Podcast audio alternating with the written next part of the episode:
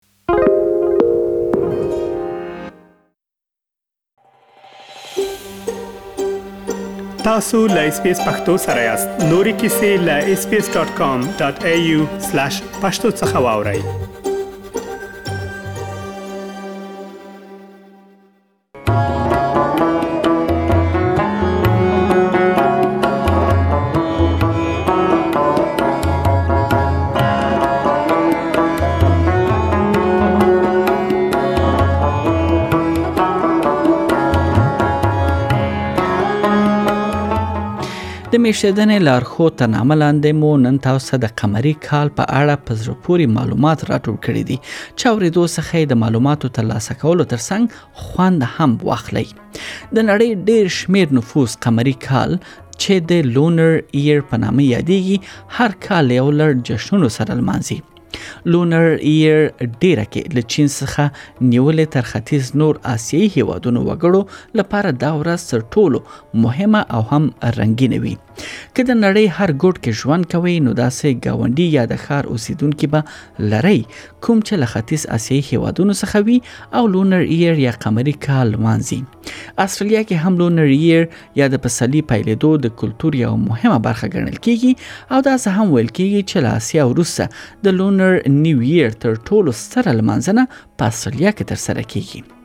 دا کال چې د فبرورۍ میاشت په لومړۍ نیټه لمانځل کیږي نو په دې به پوه شئ چې له کوم ځایه دا کال پیل شوی دی او اصلیا کې څنګه لمانځل کیږي له موږ سره اوسئ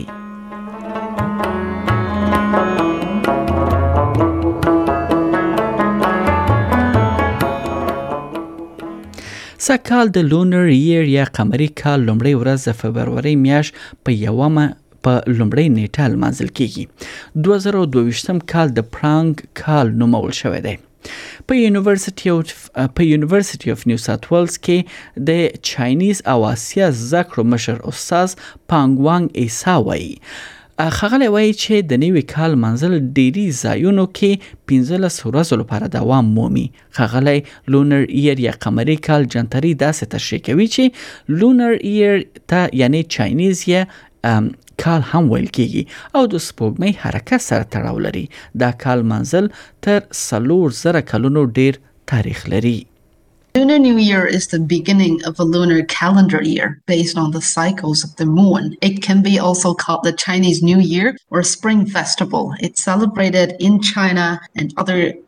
East Asian countries like Korea, Vietnam, Japan, and among uh, Chinese diasporas in many other countries like Australia. And uh, it has a history of up to 4,000 years, starting from the Xia or Shang dynasty.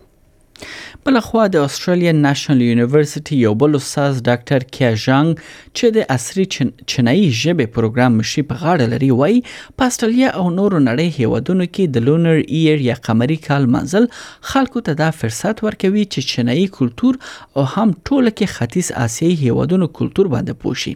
خغلی وایي د قمري کال منزل شاته اوګ تاریخ دی او په استرالیا کې دا ورځ چینایانو او ډیرو نورو آسیایي هیوادونو وګړو لپاره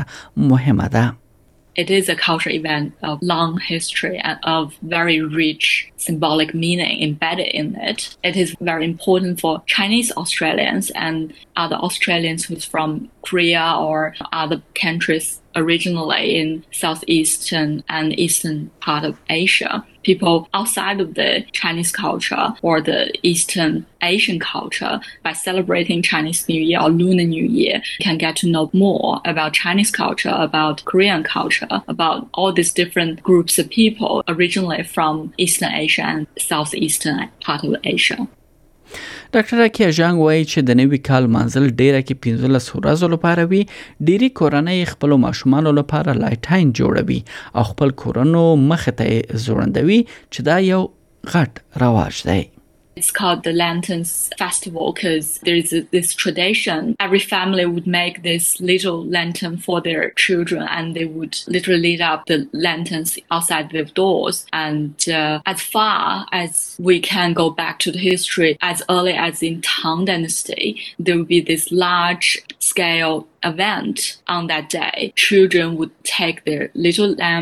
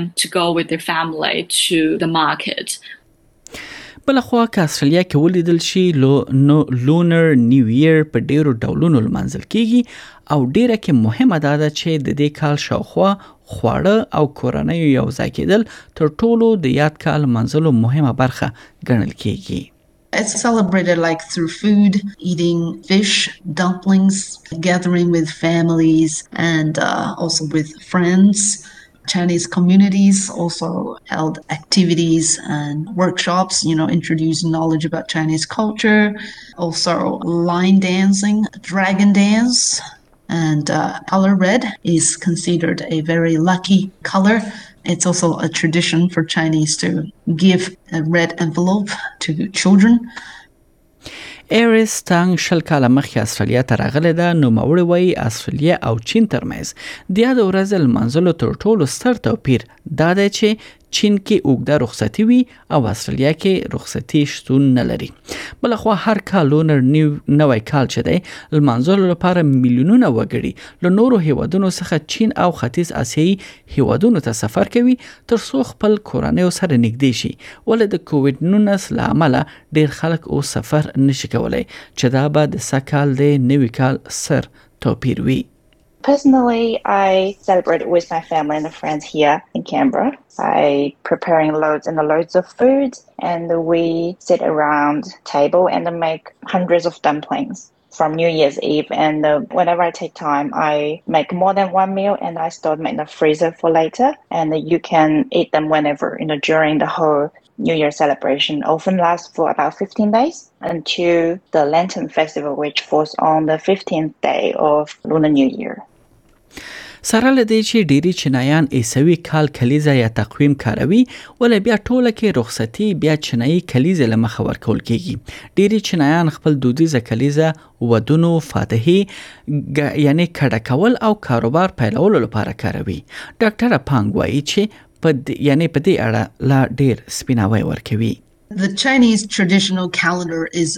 solar. It's formed on the movement of the moon and the sun. So it takes into account both the moon's orbit around the earth and the earth's orbit around the sun. So in this calendar, the start of the month is determined by the phase of the moon. So uh, as in most lunar calendars, months are either 29 or 30 days long. and the start of the year is determined uh, by the solar year.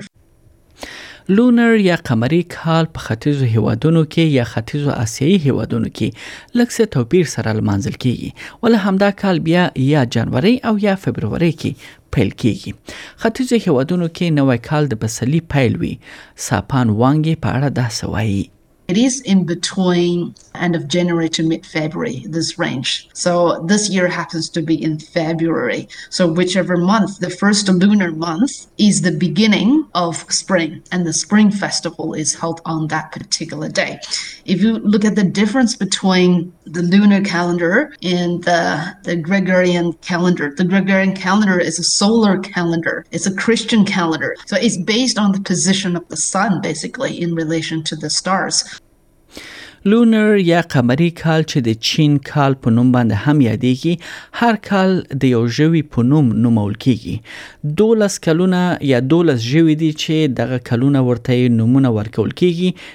یو ژوی چې دی موږک دی غویی دی سوی خمار مار اسب اوزه شادي چرګ سپی او خوک دا هغه ژوي دي چې هر کال دوی ته یعنی د کال نوم ورکول کیږي چې سږ کال بیا د همدې ژوو څخه د پړانګ کال دی. د چنایانو فولکوري کیسو له مخه د چنایانو خدای یعنی جید امپرور چې دی ګومان کوي چې د یعنی چنایان دا ګومان کوي چې دا د زمکه او جنت چلونکی دی د هغه نجوم له مخه دولس ژوي د منډې سیالۍ له مخه یعنی هغه ټاکلي دي چې د هغې له مخه بیا دغه ژوو ته هر کال نوم ورکول کیږي. start from the Jade Emperor, really, who wanted to convene a meeting. And then there are 12 animals trying to compete and they're trying to get there. And then whoever gets first will be uh, listed first. Like the first one was the rat, and the second one was ox And then other ranks are according to who actually reached the meeting. So it has to do with the legend.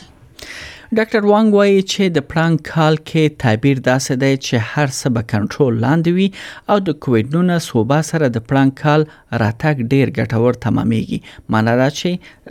دغه کال چې اوس پیلېږي دا به یعنی تر کنټرول لاندې او هوسا کال وي Tiger represents leadership, authority, and power and strength. We need to acquire the power and strength of Tiger, especially after the pandemic. Things are still unpredictable, you know, speaking of the pandemic at this stage we've been gone through so many waves of the pandemic in different countries. And uh, if we can get things in control, you know, like Tiger, be brave,